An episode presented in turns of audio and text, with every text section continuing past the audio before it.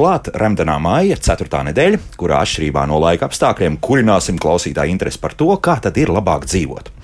Un tā otrdien mēs vairāk uzzināsim, kas notiks lielākajā vidas aizsardzības pasākumā Latvijā - Zaļās jostas vidas svētkos. Mums turpina uzbrukt. Pagājušā gadā divkāršojies kiberuzbrukumu skaits valstī. Kā tas izpaužas un kā tam stāties pretī par to trešdien. Kā pilsētā cīnīties ar nevēlamiem grauzējiem un vai kaķi šeit kaut kā var palīdzēt par to ceturtdien. Piektdien dosimies virtuālā ekskursijā uz Rīgas parkiem. Tur daudz ko var uzzināt un tiešām ļoti interesantas lietas. Un par to tad piekdien. Bet šodien pārunāsim par tādām lietām, par tādiem filtriem, bez kuriem mūsu dzīve nu nekāda nav iedomājama. Un par to visu mēs runāsim raidījumā, kā labāk dzīvot. Mārtiņš Paiglis pie studijas pults, Dārts Staladzēna, raidījuma producents un es Elsijas Jansovs šeit studijā. Esiet sveicināti! Šodien Latvijā sākas Nieru veselības nedēļa, kurā aktivitātes organizē Latvijas nefroloģija asociācija un Latvijas hipertensijas un aterosklerozes biedrība. Par pašu nieru veselības nedēļu nedaudz, un, protams, par nieru maspēju, kas ir šīs nedēļas vadmotīvs, bet šodien arī raidījumā. Mani studijas viesi Ieva Ziediņa, Latvijas nefroloģija asociācijas prezidenta, Pauls Stradiņa Kliniskās universitātes slimnīcas nefroloģija un Rīgas Stradiņa universitātes asociētā profesora. Sveicināti! Labdien. Un lielākā intriga, kāpēc šeit atrodas Latvijas hipertensijas un aterosklerozes biedrības vadītājs profesors Kārls Trušīnskis, jo mēs parasti zinām, ka ar profesoru mēs runājam tikai un vienīgi par sirdslietām. Jā. jā, bet to mēs visi noskaidrosim, protams, raidījuma gaitā. Es, protams, sākšu ar profesoru Ziediņu. Um, Vai tā ir taisnība, ka šis teiciens niere, kā ir kā taukos, taukos nieri, vai tas, tas ir tāds attiecas uz, uz to, ka mēs labi dzīvojam, vai tomēr tas attiecas uz to, ka nierītei patīk, ka viņi ir taukos? Nē, nierēm nekādā ziņā nepatīk, ka viņas ir taukos, jo aptaukošanās ir viens no riska faktoriem, kas rada kronisku nieru slimību, jeb mhm. kronisku nieru mazspēju, kā mēs agrāk to saucām. Un uh, divi citi lielie riska faktori šai slimībai - numur viens ir cukura diabetes, bet numur divi ir arteriālā hipertenzija. Un tāpēc arī šeit, šeit ir profesors Kārlis Strušins. Jā, to mēs noskaidrosim. Un tomēr, vai, vai tiešām ir tā, ka principā tad, kad sākas nieru mazspēja vai vispār mums ir aizdoms par nieru mazspēju, faktiski nekādi tas mm, arī pēc sajūtām ir ļoti grūti nosakāms. Jā, jā tā, tā tiešām ir taisnība. Tā ir, jo hroniskas nieru slimības pirmā, otrā un varbūt arī trešās stadijas sākumā cilvēkiem nekādu izjūtu, sliktu vai simptomu nav. Simptomi sākas tad, kad nieru filtrācijas spēja samazinās zem 50%, un tad arī šie simptomi vai pazīmes nav specifiski. Līdz ar to, ka organismā uzkrājas šie toksiskie gala produkti, kas būtu jāizvada nierēm un kas netiek izvadīti, līdz ar to simptomi ir no visām orgānu orgānu sistēmām. Piemēram, viens no pirmajiem simptomiem ir vajadzība iet urinēt naktī.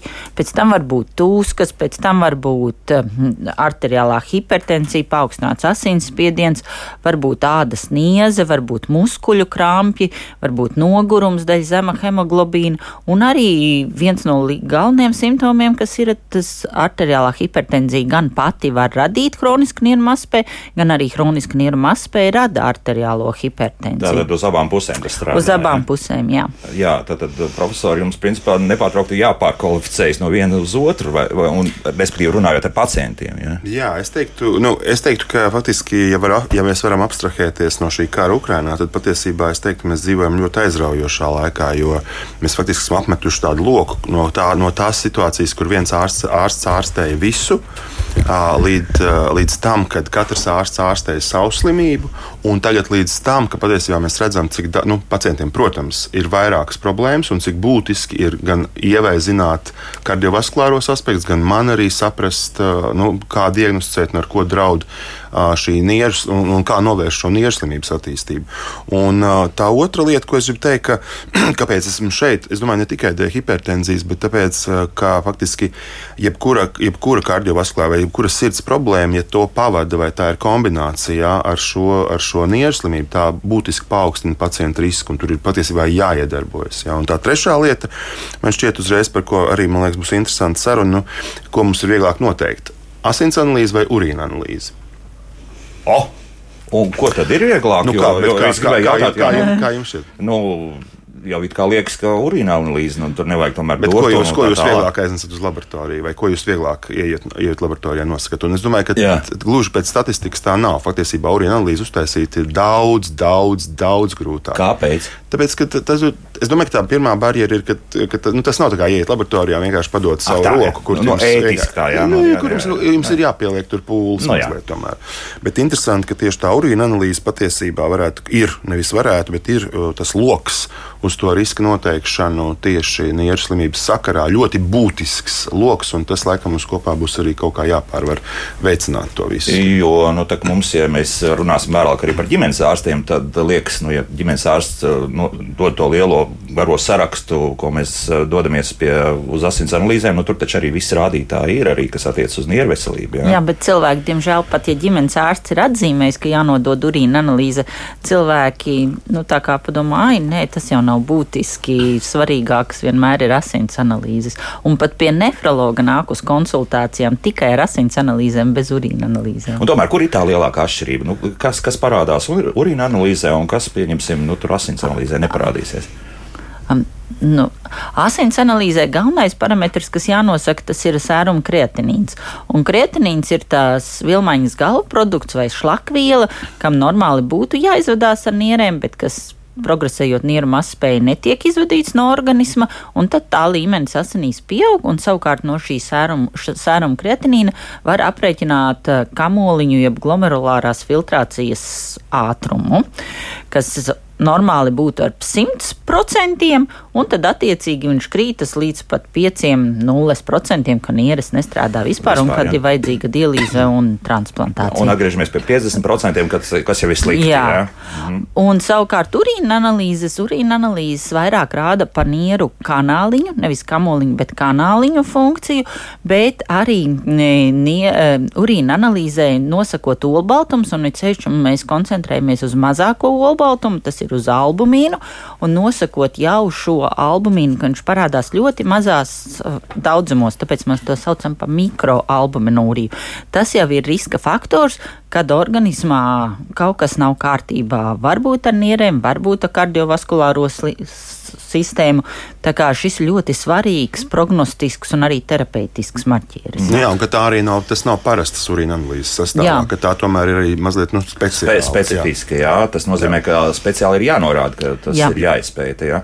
Tad tādā gadījumā atkal mēs atgriežamies pie diagnozes. Jā. Mēs atgriežamies, manuprāt, pie nu, tas, ko mēs saucam tādā angliskā vārdā par skrīningu vai atsijāšanu. Laikam tas ir tāds ļoti būtisks atslēgas vārds šeit, jo ja mēs, nu, mēs, skrīnings ir pazīstams vārds. Mēs zinām gan kolorektālā vēža skrīningu, nu, dažādus skrīningus. Nu, pārbaudes. Pārbaudes. Jā. Tad uh, arī šeit, jo, jo faktiski, nu, ko es gribu teikt, ka nu, nefrologi jau to zināja sen, bet uh, droši vien, ka patreiz to arvien vairāk uzzina arī citu specialitāšu ārsti. Piemēram, mēs redzam, ka patiesībā hroniska nieru slimība, arī mēs salīdzinām, piemēram, pēdējo 10 vai 15 gadu kaut kādu time, uh, to laika logu, mēs redzam, ka pieaug šo pacientu skaits un patiesībā pieaug uh, gan mirstība, bet viens ir mirstība, bet otrs ir Mirstība arī no kā? no hroniskas nieru slimības. Jā. Nē, nē, nē, nē, nē, nē, no arī hroniskas no- nieru nieru slimības neviens nē, nemirst. nē, nē, jā, no komplikācijām. jā. Mirst no komplikācijām, No kardiovaskulārām jā. komplikācijām. Jā. Strādā un Jā, pilns ar šlakvielām Jā, jā, jā, kāpēc? Jā, jā. bet, bet arī tas, ka samazinās šie veselībā nodzīvotie dzīves gadi, kas ir ļoti būtiski. jā. Pilnvērtīgi. Ka patiesi- Redz kā. Jā, un, tā, un tur patiesībā šodien mēs bijām nav noslēpums šeit kongresā, nu pat Parīzē, un uh, tur tiešām rāda šo stati, nu, šos, jā, tos epidemioloģijas datus, un tur ir būtiski, būtiski pieaug šie, te, šie te zaudētie gadi jau agrīnā vecumā. Un kā ja mēs runājam par daudzām nu, tā nosacīti tātad šīm pandēmijām, bet arī sirdslimību pandēmija, liekā svara pandēmija, diabēta pandēmija, tad patiesi izskatās, ka šī hroniskas nieru slimības vai nieru mazspējas problēma nu, ir nenovērtēta. Par to runā, manuprāt, mazāk kaut kādā ziņā. Un kāpēc, profesor, tas tā notiek? Kā- Kāpēc mums, vai mēs labāk diagnosticējam un kādreiz vienkārši nezinājām, un tāpat cilvēki mir no kaut kā, vai, vai, vai es te kļūdos? Stipri, ka- kas ir, kāpēc tāda pandēmija? Pan, Es, es, domāju, ka pēc, pēc ka redzat, tā nav tikai gluži nefrologa atbildība. Man šķiet, ka te parādās tā problēma, tas, ko jau teica. Pirmkārt, jau tie pacienti, pacienti neko nejūt. Mēs neko nejūtam, mm -hmm. ja mums, teiksim, samazinās nieru funkcija. Un ieva viņus ierauga jau tad, ļoti bieži, nu, kad jau ir vajadzīga iespējams no, jau diezgan nopietna palīdzība, kas, starp citu, arī nav lēta. Dialīze. Ja, dialīze vai, piemēram, aizstāja terapija. Un, un, un te, es domāju, tā atbilde savā ziņā ir tā, ka bez tādas sabiedrības iesaistas un sabiedrības izpratnes vairošanas, bez tā arī bez šīs ciešās sadarbības ar ģimenes ārstiem, protams, galvenais sadarbības ar pacientiem, mēs īsti nevarēsim šo lietu izkustināt. Tā nav tāda īsti tikai nefrologu problēma. Ja, tā ir patiesībā daudz plašāka, Jā, problēma. Es, gribēju atgriezties pie to, ko Kārlis pieminēja vienā īsā teikumā, kad eh, šobrīd medicīnā mēs ar vien vairāk uzsveram par to, ka ir svarīgi šie te. E, labu, ar labu dzīves kvalitāti nodzīvotie dzīves gadi. Nevis cik mēs varam paildzināt cilvēka dzīvi guļot gultā, bet cik viņš var pilnvērtīgi nodzīvot mhm. uh, savu dzīvi.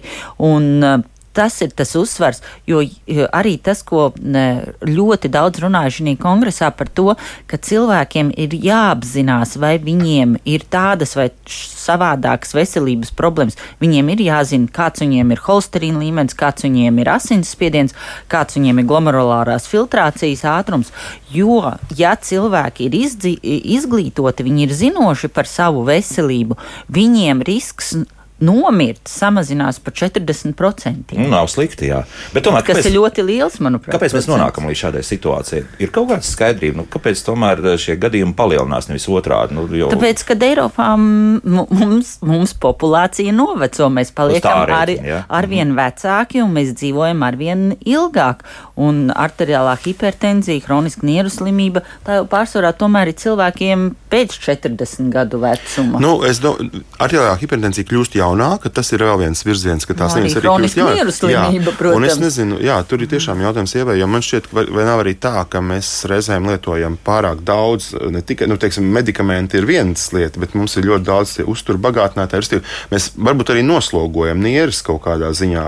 Jā, es, es, es gan ja domāju savādāk, ka mēs dzīvojam arvien labāk, mums ir pieejams arvien vairāk ēdienas, mums ir pieejams Lā, arī nekvalitatīvs ēdiens. Okay, tas, mums ir mm. pieejams arvien vairāk vairāk sāls, cukurs, mums ir pieejami tauki. Jo es atceros, varbūt mm. tad, kad manā bērnībā torte tā tiešām bija tikai dzimšanas dienas dienā, torte. Jā, jā. Bet šobrīd tu vari pirkt torti katru dienu. Es, pirmais atgriežamies pie veselīgu uzturu, es tā saprotu. Jā? jā, un tas ir arī, manuprāt, tas, kas virza šos te pandēmijas, kas virza, cuk, kas mm. virza cukura diabēta pandēmiju, kas virza arteriālās hipertenzijas pandēmiju, kas virza hroniskas nieru slimības pandēmiju. Jā, bet te par zālēm, es domāju, tomēr ir viens speciāls arī zālē, moments, jo, jo gan zāles, gan uzturu bagātinātāji tomēr tas, ko sauc par over the counter, vai Amerikā populāri, ko, var, ko var nopirkt bez, recept, bez recepšu. Jā. Jā, tad viņi vienmēr rāda tos. Un, Lat un Latvijā mēs arī tuvojamies tam, tam, kad jums pacients rāda, piemēram, sarakstu ar trim zālēm vai četrām,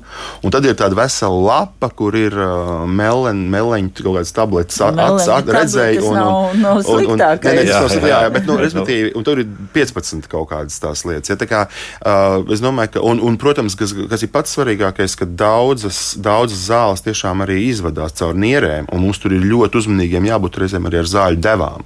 Ja, tur, tur, nu, tur ir dažādi šādi ja, runājot par šīm e, zālēm, medikamentiem, ko var nopirkt bez receptēm, tad ir divas zāļu grupas, ar kurām ir jābūt pacientiem uzmanīgiem un kas ir pierādīts, kas rada hronisku nieru slimību, jeb hronisku nieru mazspēju. Numur viens tas ir nesteroidie pretiekaisuma, pretsāpju līdzekļi, jo ļoti daudziem cilvēkiem joprojām liekas, ja man sāp galva, es labāk nopērku tableti, nevis meklēju iemeslu, kāpēc man sāp galva vai man sāp mugura mugura vai man sāp locītavas, nevis meklēju iemeslu un atrisina to, bet nopērku pretsāpju zāli. Un otrs ir, ko Kārlis noteikti piekritīs, vēl vairāk kardioloģiskie pacienti. Viņiem liekas, ja es dzeru asinsspiedienu zāli, man noteikti ir jādzer zāle kuņģa aizsardzībai. Mm. Un tā saucamie protonu sūkņu aiz, uh, inhibitori, arī, ja viņus lieto ilgāk par mēnesi, arī rada paaugstina mm. risku hroniskai nieru slimībai. Bet Kārlis man apstiprinās, ka dzerot zāli pret asinsspiedienu nav jālieto klāt medikaments kuģa aizsardzībai. Nu, labi, bet, bet tas mums sāks nepatikšanas ar tiem pretsāpju līdzekļiem, jo, jo te jau parādījās tā, tie pētījumi, ka mums ūdenī ir pilns ar tiem, jā, respektīvi, atvainojos, bet ir cilvēki čurā ārā vienkārši jā, šīs zāles, bet tas viss iet caur nierēm. Nu, jā, bet tās ir sekas tam, ka ir arvien vairāk medikamentu, ko var nopirkt bez receptes, un ko cilvēki paši sev nozīmē. Viņi nozīmē gan zāļu devas sev, gan arī nozīmē zāļu ilgumu sev. Jo, ja šīs zāles nozīmē reumatologs, viņš apzinās, kādā devā viņš nozīmē, viņš ir piedomājis par to, šim cilvēkam šāda deva šīs medikaments, un arī ilgumu cik ilgi tas būtu jālieto.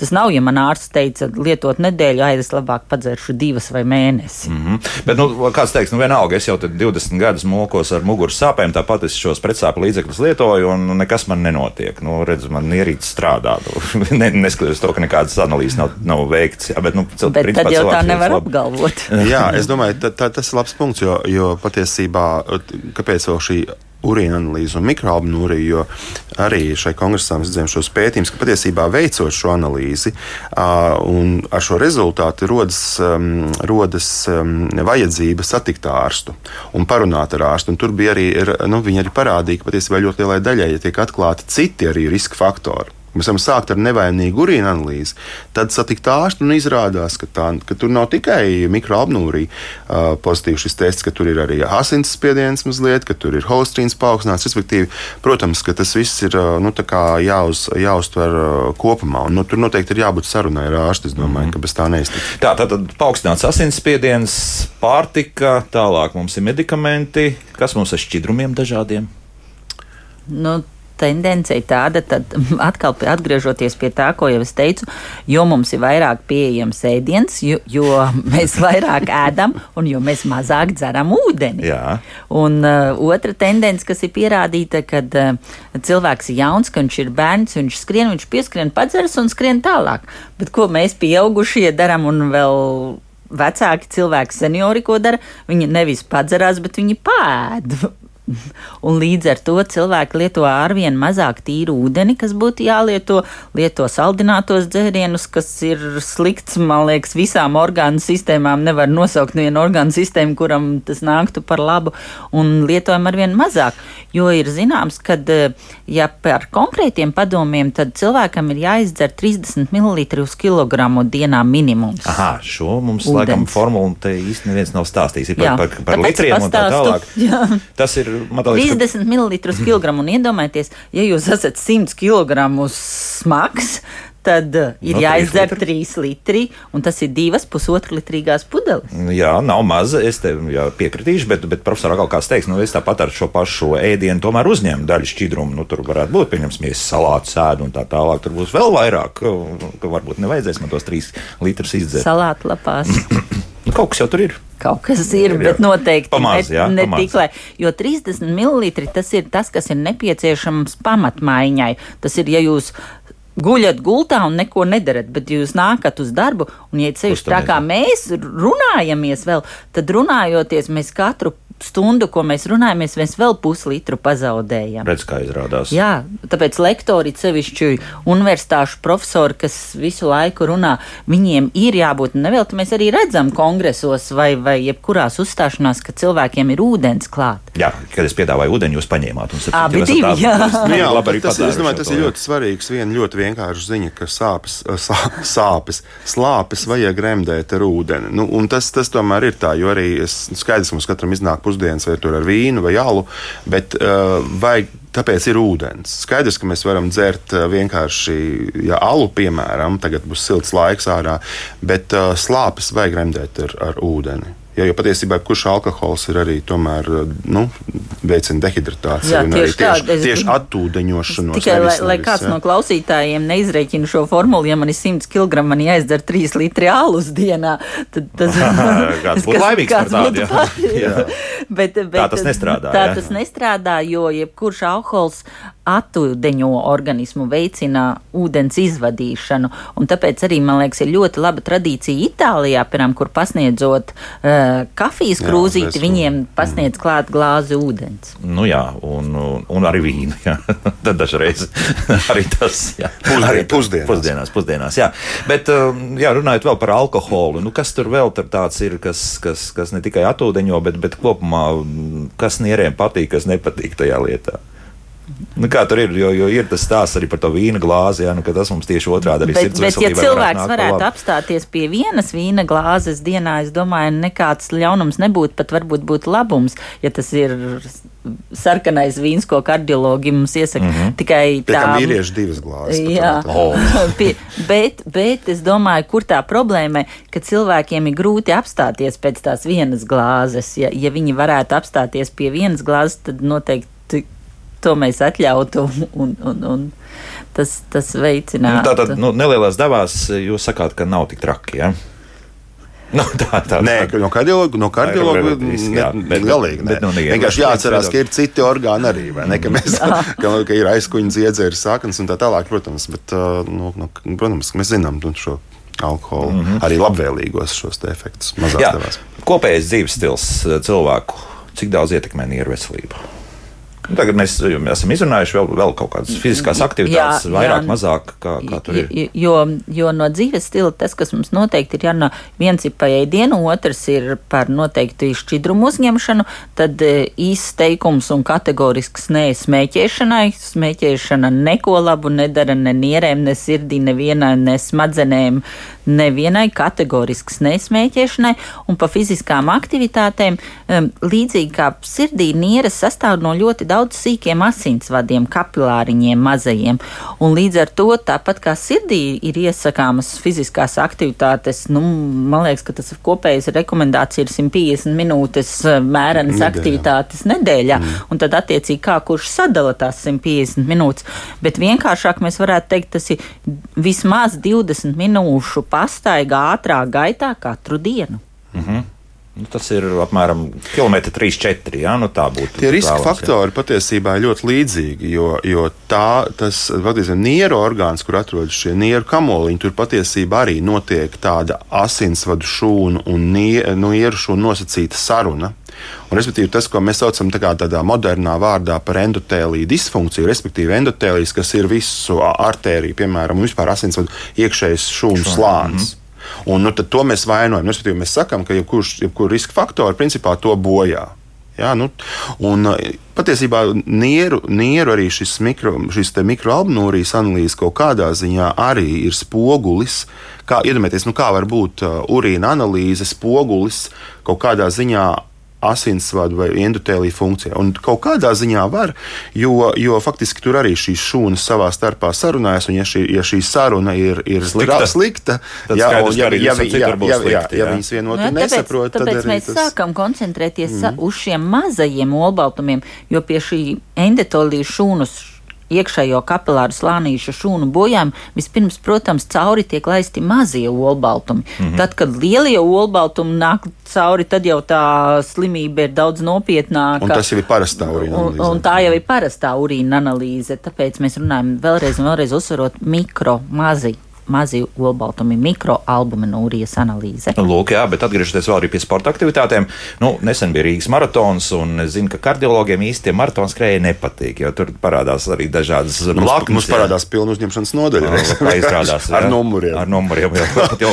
pat medaļu vēl nav. Ne, bet tā nav sliktākā diena, jā, jo tad, jā. tad nevar sajaukt nevienu pacientu. À, ir tad ir skaidrs, numurs, apmēram, kas notiek. Kas, jā, vai, bet, vai nieras kaut kā par, uz lielām fiziskām slozēm? Maratons nav mērena fiziska slodze. Nu, jā, jā, jā, bet nu, vēl, nu, pieliksim, nu, arī tie, kas pieņemsim, tos 10 km noskrēja. Tur un ir 10 km arī nav mērena fiziskā slodze. Mērena fiziskā slodze, ja būtu, ja 6 km mēs noietu ar nūjām. Aha, tā būtu, būtu mērena labās, fiziska slodze. Un tad, tad tie, kas ietu ar nūjām 6 km, tie ar numuriem nebūtu uzņemti. nu, labi, jā, bet tomēr, profesor, nu, kur, kur ir tie, kur ir tā vēl robeža, kur nu, jau varētu teikt, ka labāk varbūt kā izvēlēties kādu citu sporta veidu vai, vai kā citādi samazināt tās slodzes?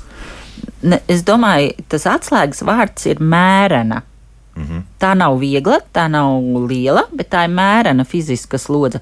Un, ja mēs runājam par kaitīgām fiziskām slodzēm, piemēram, ejot uz sporta zāli un uh, uh, veic, uh, dzerot proteīnu kokteļus un uh, bodybuilding. Nu, tā ir svaru cilāšana. Svar, nu, vai svaru cilāšana arī tur, ja tas ir treneru uzraudzībā, var jau būt arī mērena un varbūt pārmērīga. Bet, eh, kad eh, cilvēki iet uz svaru zāli trenēties nevis ar domu uzturēt savu veselību, bet veidot sava ķermeņa muskuļu masu, muskuļu masu jā. Eh, tas arī ir papildus slodzeniekam. Tas arī nierēm nepatīk. Jā. Mm -hmm. Jā, nu, tur... nu, es domāju, tur jāskatās mazliet arī, jo, skā, jo no otras puses ir tā kardio slodze vai tā aerobā, ko mēs sakām, un patiesībā, ko mēs redzam, ka kaut kāda tā nu, šī te muskuļu masas tomēr ir arī jābūvē paralēli. Viss, kas ir, viss, kas jā. notiek mēreni, mēs, mēs jau mm. nevaram ieteikt īsti tās nu, ekstrēmās slodzes, mm. bet tajā pat laikā es gribu teikt, ka nu, nevajag arī, nu, kā lai saka, mēs nevaram arī aizliegt cilvēkam veltīt sev maratonam, piemēram, un to cilvēki dara. Ja, un, un, un tas ir jārespektē. Tas nav tā, kā, ka mēs tagad atļaujam, aizliedzam. Nu, man liekas, no tā vispār mums ir mazliet arī jāatkāpjas. Ja, jo tomēr katram ir atļauts nu, ar nu, savu dzīvi kaut kādā darīt, ziņā ko darīt, grib, ko grib. Jā, nu, jā. Tomēr, vai ne? Tas, ko mēs varam, mēs varam ieteikt labāko. Uh, vien, un, un tā mana pieredze arī patreiz tieši pēdējā laikā ir patiesībā pat ar treneriem un, un ar tādiem tiešām fitnes cilvēkiem, ka, protams, mums ir jāsako arī sirds stāvoklim. Un tur atkal jāsaka, piemēram, ir tāds jēdziens kā kreisā kambara hipertrofija, ko nosaka sirds ultraskaņā, kas ir kreisā vienkārši sirds muskuļu sabiezēšanās. Un tā arī izrādās ir saistīta, asociējas ar šo mikroalbumūrijas analīzi, ka patiesībā tur arī ir saistība. Respektīvi, nu, nav noslēpums, viss ir saistīts un, un, un mums vienkārši ir varbūt ciešāk jāsako līdzi, vai kā tagad saka, jāmonitorē tie cilvēki, kas ir izvēlējušies nu, darīt kaut ko varbūt tādu nu, fiziski, varbūt nu, tādu, kas pārsniedz varbūt šīs, šos ieteikumus. Un, protams, arī meklēt, nu, tos, meklēt arī tos ceļus, un, un, un ko mēs varam ieteikt, nu, kā varbūt to modificēt mazliet. Bet es domāju, ka katrā gadījumā nu, mēģinātu atkāpties no vārdiem, atļaut aizliegt, jo tas man liekas, nav. Labi, sarunājuši. Jā, vienmēr sakot, ja tu vēlies skriet maratonu, bet uh, rēķinies, mm. nu, pirmkārt, jā, to, jo, var, var būt sekas, pirmkārt, jā, jā un, un otrā jo, jo kas, jūs nevarat to pateikt. Nu, varbūt tas viss maratona skriešana vai šī konkrētā nodarbe šim cilvēkam ir dzīves piepildījums, laba garstāvokļa pamats un tā tālāk. Mm. Nu, atkal, mēs varam ja aiz... viņš pirms tam veiks asins urīna analīzes un sirds uh, pārbaudi. pārbaudi, es domāju, būs tikai labāk. Jā, protams, protams. Jā, tā kā, jā. Tas ir pirmais. Nu, jā, jā, bet mums nevajag jā. sabojāt ar viņu nu, labi, nu, labi, jā, tad, tad katrā gadījumā arī tādas pietiekami lielas slodzes mēs atstājam, bet, mm. bet stingri skatoties līdzi, kas ar jūsu ķermeni arī notiek. Laiks mūzikai, pēc mūzikas turpināsim arī parunāsim mēs ar ģimenes ārstu, jo gal galā nu, šī ģimenes ārstam ir liela nozīme, ja? lai, lai no sākuma aizķertu Milzīgi. Milzīgi jā. Laiks jūsu jautājumiem. Tālruņa studijā 6722, 888, un 6722, 559, mūsu e-pasts, klausītājs atlatvijas radio.lv. Protams, arī mājaslapa darbojas. Tur pietiekami daudz dažādu jautājumu, pārsvarā par, citu, uzturu bagātinātājiem un vitamīniem. Jautājumu uz daudz cilvēku Latvijas radio.cl. Tur tālāk jāatrod radio viens un raidījumu, kā labāk dzīvot. Nu, varbūt vēl kādu var iesūtīt. Es pa, domāju, ka paspēsim atbildēt uz šiem jautājumiem. Mēs turpinām runāt par nieru mazspēju. Ieva Ziediņa, Latvijas nefrologa asociācijas prezidente, asociētā profesore Rīgas Traņu universitātē un Latvijas hipertensijas un aterosklerozes biedrības vadītājs profesors Kārls Trušinskis šeit studijā. Un šobrīd esam arī attālināti sazinājušies ar Latvijas lauku ģimenes ārstu asociācijas valdes locekli Ainu Zalbu. Zalbukungs, labdien! Labdien! Profesors uzsvēra jau raidījumā, ka milzīga nozīme, lai mēs atklātu nieru mazspēju ģimenes ārstiem. Tā ir taisnība, un ko jūs varat izdarīt, un ko jums e, būs sarežģītāk varbūt izdarīt e, pašiem. Nu, jā, jāsaka, ka mieru slimības ir ģimenes ārsta ikdiena. Nu, droši vien mēs risinām pilnīgi varbūt citu slimību spektru nekā to dara mūsu kolēģi stacionārā. Nu, mūsu tās pamatlietas, ar ko griežās pie mums mieru slimību kontekstā, būs dažādas urīnceļu infekcijas, gan urīnceļu infekcijas, gan arī mieru infekcijas. Tas, es domāju, ir tas biežākais dažādās vecuma grupās. Taču jāsaka, tās nākamā slimību grupa būs tās nieru slimības, un tā arī būs šī, no jūs pieminēt, hroniskā nieru mazspēja vai hroniskā nieru slimība, kā rezultāts, kā, kā sekas citām slimībām. Un jāsaka, ka nu, mēs kā ģimenes ārsti bie, koncentrējamies uz tādām biežāk sastopamām kaitēm un uz to risinājumu. Un jāsaka, ka nu, mūsu ikdienā tādas hroniskas nieru slimības iemesli ir arteriālā hipertenzija un cukura diabēts. It īpaši, ja šīs skaitas ir nepietiekami koriģētas, tad mēs redzam savā ikdienas darbā, ka dažu gadu laikā jā, parādās arī šie nieru bojājumi. Nu, jāsaka, ka ja es arī uzmetu aci, nu, ko, ko mums saka tāda pasaules literatūra par primāro veselības aprūpi un nieru slimībām.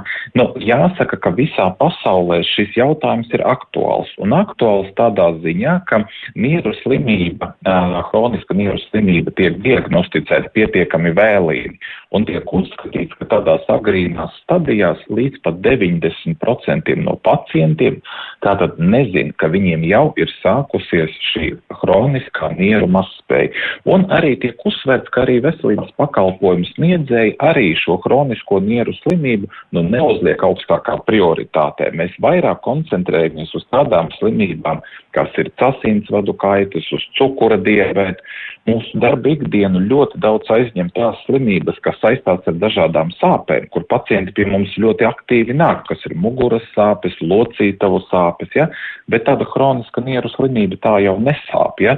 Un tādēļ to, to arī pilnībā pievienojos maniem kolēģiem iepriekšējā diskusijā, ka to mēs varam laicīgi atklāt ka pirmkārt atpazīstot riska faktorus, jau atlasot iedzīvotāju mūsu pacientu grupu, kuriem ir lielāka varbūtība šai te kroniskai nieru slimībai, un otrs ir asins analīzes. Nu, protams, mūsu darbā arī varbūt asins analīzi paņemt un iegūt šos rezultātus ir vieglāk, jā, bet nu, neatsverama vērtība ir arī urīna analīzei. Latvijā ģimenes ārstiem šī mikroalbuminūrijas noteikšana, kas tad ir agrīns nieru bojājuma rādītājs, apmaksā cukura diabēta pacientiem, un to mēs arī aktīvi veicam un izmantojam. Nu, jāsaka, es domāju, ka arī pievienošos kolēģiem, ka mums arī plašāk šis izmeklējums būtu jāizmanto gan arī citiem sirds asinsvadu slimniekiem, hipertenzijas pacientiem, sirds mazspējas pacientiem. Tā kā, nu, jāsaka, iespējas agrīnai diagnostika ģimenes ārstu praksē ir, un pateicoties varbūt varbūt arī šai kampaņai, eh, es domāju, ka arī Eh, šī problemātika, šī hroniskā nieru slimība un tās prioritāte noteikti tiks kāpināta arī primārās veselības aprūpas mm -hmm. līmenī. Bet tad jūs uh, sakāt, ka principā tikai cukuru diabēta, uh, respektīvi pacienti var tikt pie šīs analīzes, tāpēc, ka tā tiek apmaksāta no valsts, bet, nu, ja pieņemsim tomēr jums ir savu pacientu ar paaugstinātu asinsspiedienu, tad varbūt diezgan loģiski būtu arī pielikt klāt pie tās lielās listas, kur parasti ir asins analīze, ko var nodot, ja faktiski sanāk gandrīz bez maksas, maksas nu, bet tur drusku būs jāpiemaksā, bet lai noteikti, kas, kas ar nierēm notiek. Tad, tas nu, nebūtu jā, tā loģiski. To, to, mēs arī, to mēs arī savā ikdienas uh, darbā izmantojam. Jā, tādas ir pamatlietas, kā noteikti uh, asins analīžu rādītāji, kā hemoglobīns, holesterīns, cukurs un nieru rādītāji, tā vienmēr ir aprūpējot hroniskos pacientus, arī urīna analīze ir kā standarts. Jā. Taču šie te specifiski mikroalbuminūrijas noteikšana primārajā veselības aprūpē, nu tā vēsturiski faktiski vairāk tiek koncentrēta uz cukura diabēta pacientiem. Un es domāju, ka mums tieši tiešām par šo ir daudz aktuālāk jārunā, un šīs agrīnās diagnostikas iespējas jāpiedāvā arī citām iedzīvotāju grupām, ja, šiem hipertenzijas pacientiem it sevišķi. Ja. No, tādēļ es domāju, ka mums arī paredzamas arī šonadēļ vēl diskusijas par šo, par šo jautājumu, un es domāju, ka mēs noteikti nu, rosināsim šo papildus gan sabiedrības, gan medicīnas politiķu interesi un arī mūsu politikas veidotāju interesi, lai mēs varētu tā proaktīvāk iesaistīties miera slimības tādā agrīnā diagnostikā. Un īstenībā pat ne agrīnā diagnostikā, bet jau uh, īpaši riska pacientu grupu atpazīšanā, lai mēs pēc tam varētu vēl efektīvāk piemērot dažādas profilaktiskās terapijas un stratēģijas un dzīvesveida korekcijas. Mm -hmm. Ar tām noteikti arī varētu strādāt, ja un ar ģimenes ārsti var palīdzēt. Noteikti. Mm -hmm. noteikti. Mm -hmm. Prof... Atvainojos, jā, Zeltkungs, paldies. Šodien, lai jums arī veicas ar, ar pacientiem un lai ar labu dienu Latvijas lauku ģimenes ārsta asociācijas valdes loceklis Ainas Zels bija kopā ar mums. Un mēs turpinām šeit studijā arī sarunu. Nu, dzirdējāt, jā, to, ko ģimenes ārsts saka. Nu, iespējams, jā, ka valsts varētu nākt pretī, apmaksāt arī šīs analīzes. Tās ir dārgas, ja mēs pieliekam klāt vēl tur.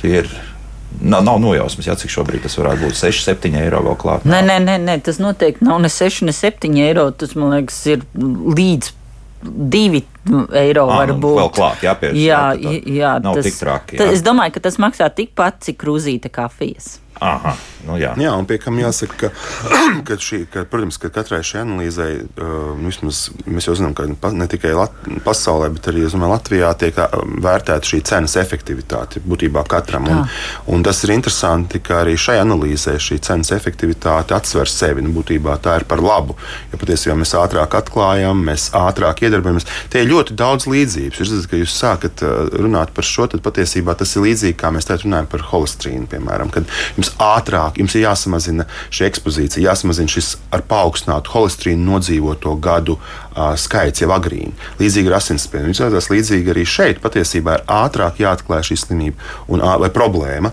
un ātrāk tā jācenšas ietekmēt. Bet tas, ko es vēl gribēju pieminēt, ka nu, arī svaigi no šī kongresa, ka rādot šos Eiropas datus, šie dati diezgan skumji skatās uz šo skrīningu nu, šo mikroapnulijas noteikšanu dažādās riska grupās. Viņi rāda, ka piemēram 35% no diabēta pacientiem tiek tas veikts šī analīze, 4% hipertensijas pacientu, Tikai, jā. nezināmam procentam sirds mazspējas pacientu, nezināmam procentam vispār kardiovaskulārā riska teiksim, vērtēšanai.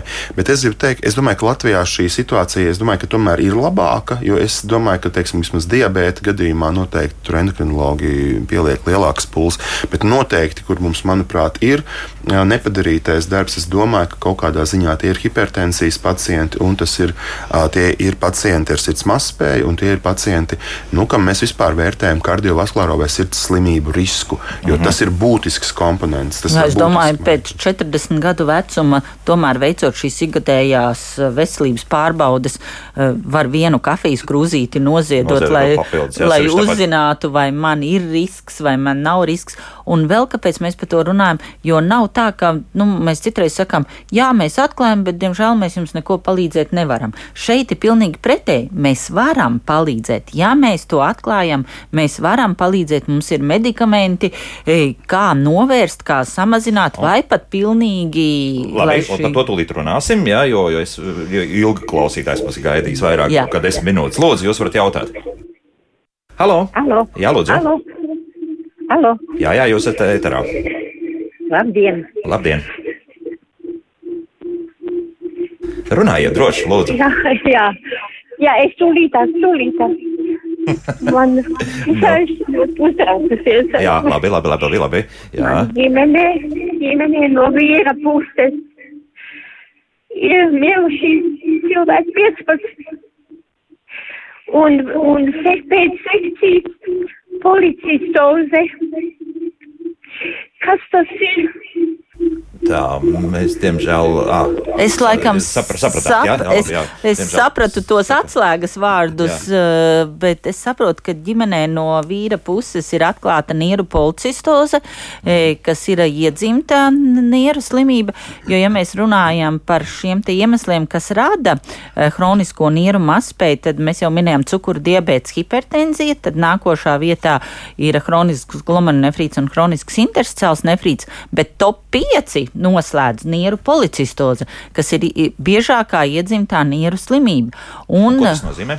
Tas nozīmē, ka nieru struktūra tiek izmainīta, kad eh, nierēs vairāk nav šīs te normālās struktūras, bet eh, nieres aizņem daudz, daudz cistas, tādi ar ūdeni pildīti pūslīši, un viņi nospiež gan šos nieru kanāliņus, gan šos nieru kamoliņus, glomeruļus, un līdz ar to nevar nieres normāli strādāt, funkcionēt, filtrēt urīnu. Un šai slimībai arī parasti, kā viņu atklāja, ja ģimenē to nav pateikuši vecāki, kad cilvēkam agrīni 30 gadu vecumā ir hipertenzija. Un hipertenzija ir pirmais šis te Rādītājs, jā. rādītājs policistos simptoms ir hipertenzija. Un, ja cilvēkam 30 vai 20 gadu vecumā atklāja hipertenziju, noteikti jāveic nieru ultrasonogrāfija, lai pārliecinātos, ir vai nav šī nieru Ā, Tad pieliekam klāt vēl drošības pēc, ka var vēdera dobuma laikā. Jā, bet to. u- ultrasonogrāfija nav skrīninga metode. Tas ir Kāpēc? Nu, ja šādas burbulīšas tur mēs varam atstāt, vai ne? Nu, kādas ir izmaksu efektivitāte. Ah, tādā ziņā, jā, jā. izmaksu efektivitāte mikroalbuminūrijas analīzei, asins analīzei, sērumu kreatinīnu noteikšanai un kāda ir izmaksu efektivitāte nieru. Nu, Bet, ja tu taisi to vēdru domu, to... Tad tur redz Jā, tu noteikti, tur Nu, noteikti Nu, tad, tad tad, tu aizdomā, jā, pie reizes. Jā, jā, jā, tādā ziņā, jā. Jā, bet tālāk runājot arī, tad es saprotu, ka arī iedzimtībai kaut kāda zinām nozīme ir, jā? Jā, bet redzat, es tāpēc teicu, šī ir piektā vietā. Tā nav biežākā, Biežākā, jā. slimība. Jā. Mhm. Bet atklāt Bet šai slimībai arī mums tagad Latvijā ir pieejami medikamenti. Jau no pagājušā gada ir individuālā kompensācijā iespējams saņemt specifisku taisi šai slimības ārstēšanai domātu medikamentu. Profesor, tā ir ārstēšana vai tā ir tāda sadzīvošana? Tālāk, ne, tur jā? ir arī ārstēšana, specifiska ārstēšana. Jā, medikaments, kas neļauj šīm cistām augt augumā, un līdz ar to tiek aizkavēta kroniskas nieru slimības iestāšanās.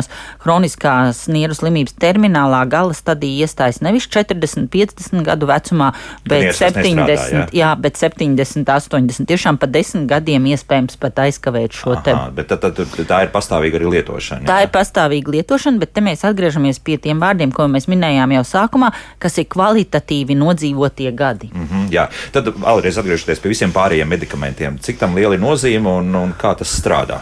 Pieņemsim, mēs redzam, ka rādītājs sāk lēnāk garāk kristies uz leju nierēm, un tad jūs iesakāt.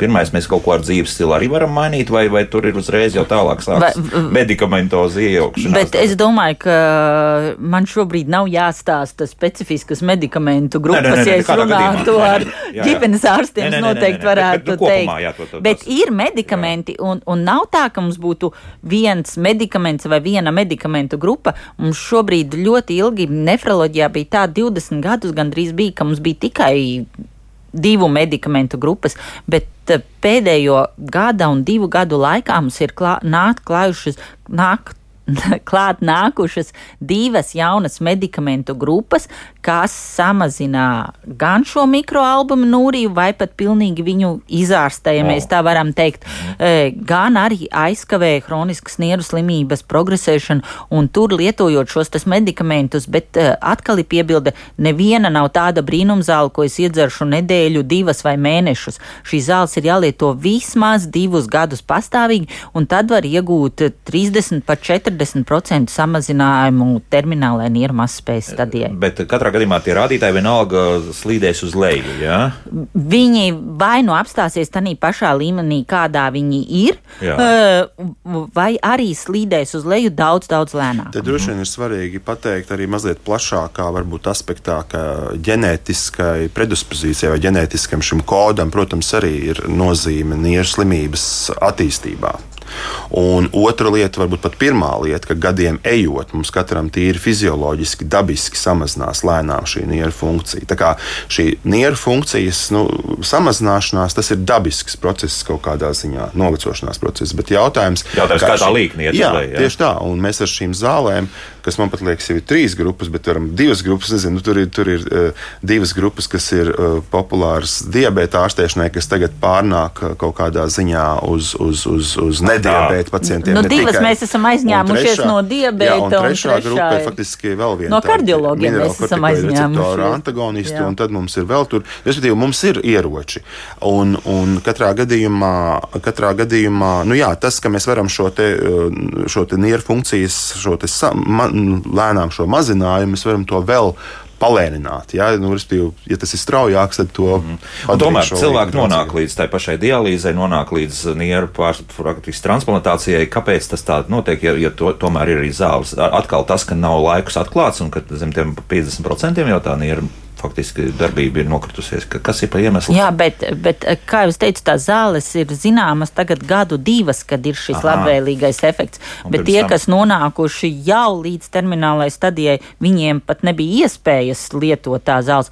Un vēl ko es noteikti gribu uzsvērt šajā raidījumā, ka zāles ir jālieto, lai viņas būtu efektīvas. No tā, kā ārsts tevi izraksta, vai no tā, ka tu nopērci tās Nierām zāles, nekāda. viņām nekāda labuma nav. Labums ir tad, ja viņas tiek dzertas katru dienu. Nu, paklausīsim savu vienu klausītāju, un tad ātri izskriesim mājaslapas jautājumiem cauri lūdzu. Labrīt. Labrīt. Astoņus gadus atpakaļ es saslimu ar diabētu un slimnīcā man tika konstatēts kreisās virsnieras cista. Nu, visus šos gadus man bija miers, bet tagad tiepaši mēnesi atpakaļ šajā apvidū sākās asas sāpes. Pretsāpju zāles man nepalīdz, nu, bet kā vienmēr palīdz, kā emiņi ieteica tās slavenās, nu, spā zāles. Ziniet, man pēc vienas tabletes palika vieglāk. Nu, ko man darīt? Kādas Vai turpināt kaut ko tādu? Jā, iziet? mhm, jā. Paldies. mhm. Ko, ko teiksit? Noteikti ir jāiziet veikt eh, šo ultrasonogrāfiju, lai apstītos, kas tur notiek ar to cistu. Vai ir augusi vai. vai... Nu, Palikt uz, tas ir neizbēgami, jā, paliek iekšā. Bet, neizzūd, ja jā. kaut kas mainās veselības stāvoklī, noteikti jāiet un jādara, nevis jālieto kaimiņienes zāles. Bet, ja labāk paliek, tad Jā, un, un placebo tur, tur, tur jāskatās, Jā. jo cistas tomēr, nu, manuprāt, īsti sāpes nedod. Un tur, protams, ka jāskatās, vai tā, vai tā ir sakritība, varbūt tur ir kaut kas cits, kaut kāda vienkāršāka problēma. Un, un varbūt, ka tur nepietiks pat ar ultrasonogrāfiju, varbūt tur būs vēl vajadzīga Datortomogrāfija. Jo arī nieres nesāpēja. Ja? Nu, nē, nē, Ne. tā, tā tik vienkārši nav. Tur, tur, tomēr, ne, nu, teiksim, Atšķirībā šīs no aknām, agrīna ja? Kroniski nieru slimība, šī mazspēja nesāp, bet nieres, nier, Nieres. ā, nieru ārstiem tur ir virkne slimību, kas, kas saistīts ar nieru sāpēm. Mm -hmm. Jā, nu, izskrienam ātri cauri pēdējās minūtes. Mums ir palikuši pārtiks produkti, kas palīdz attīrīt nieres. Ir kaut kādi tādi. Vai tas ir atkal tīrs mārketings, runājot arī par uzturbagātinātāju? Ūdens. Ūdens, U- ūdens. Ūdens ir produkts, kas palīdz attīrīt. Ļoti nieres. vienkārši. Jā. Jo tas ir tie, tieši tas, ar- arī sapcīt, mēs varam arī piebilst cilvēkiem, kas iet uz kontrastvielu izmeklējumiem. Jā, noteikti, ja mēs pirms tam pat slimnīcā mēs intravenozi liekam, bet noteikti palīdz dzert ūdeni. Pastiprināt. pirms un puslitru Jā, pēc. Pirms, jau, jau pirms tam dzert, un arī kaut kādas pirmās dienas, trīs, divas, trīs dienas pēc, kārtīgi padzerties pēc kontrastvielu izmeklējuma. Mm -hmm. Uzturbagātinātāji, D vitamīns, omega 3, 6, augstskābes un tā tālāk. Kas, ko jums par to ir? Ko teikt, ir, ir kaut kāda jēga no tā visa saistībā ar nieru veselību. Es domāju, saistība ir tāda, ja cilvēks interesējas par šiem uztura bagātinātājiem, viņš noteikti interesējas par savu veselību. Un tas vien jau ir labais, jo tad viņam noteikti šie kvalitatīvi nodzīvotie dzīves gadi būs uh, vairāk, un uh, viņš noteikti zina savus rādītājus, savu holesterīna rādītāju, ja viņš interesējas par šiem uztura bagātinātājiem mm. un zina arī glomerulārās filtrācijas ātrumu. Bet, nu, jā, regulāri ir vairāk jautājumu par to, ka regulāri gan bērniem dod, gan arī pieaugušie ir lieto dažādas to pašu C vitamīnu. Nu, par D vitamīnu izteikums no kongresa ir. Vajag. Ta, ta, tagadējie 50 ir. Iepriekšējie 30, ja mēs zinājām, ka D vitamīna līmenis ir uh, optimāls virs 30, tad tagadējais uzskats ir, kad uh, uh, optimāls D vitamīna līmenis ir uh, virs 50. Un kā lektors teica, tas ir nevis par maniem gadiem, bet par D vitamīna Nu, līmeni. jā, šobrīd saule tāda ir, ka var drusku iesauļot sev, bet, bet, principā D vitamīns ir vajadzīgs. Tā, uh, sarakos nieri, kas nejauši ir atklāti 20 gadu vecumā, tā ar to dzīvoja. Man vajadzētu īpaši piesargāties. Kristīna gan neraksta, cik šobrīd viņai gadu, bet, bet katrā gadījumā nu, ir kāds laiks. Jā, jo viņai ir jau struktūrāli defekti nierēs, un viņai noteikti reizi gadā būtu jāveic šī te pārbauda pie ģimenes ārsta. Mm -hmm.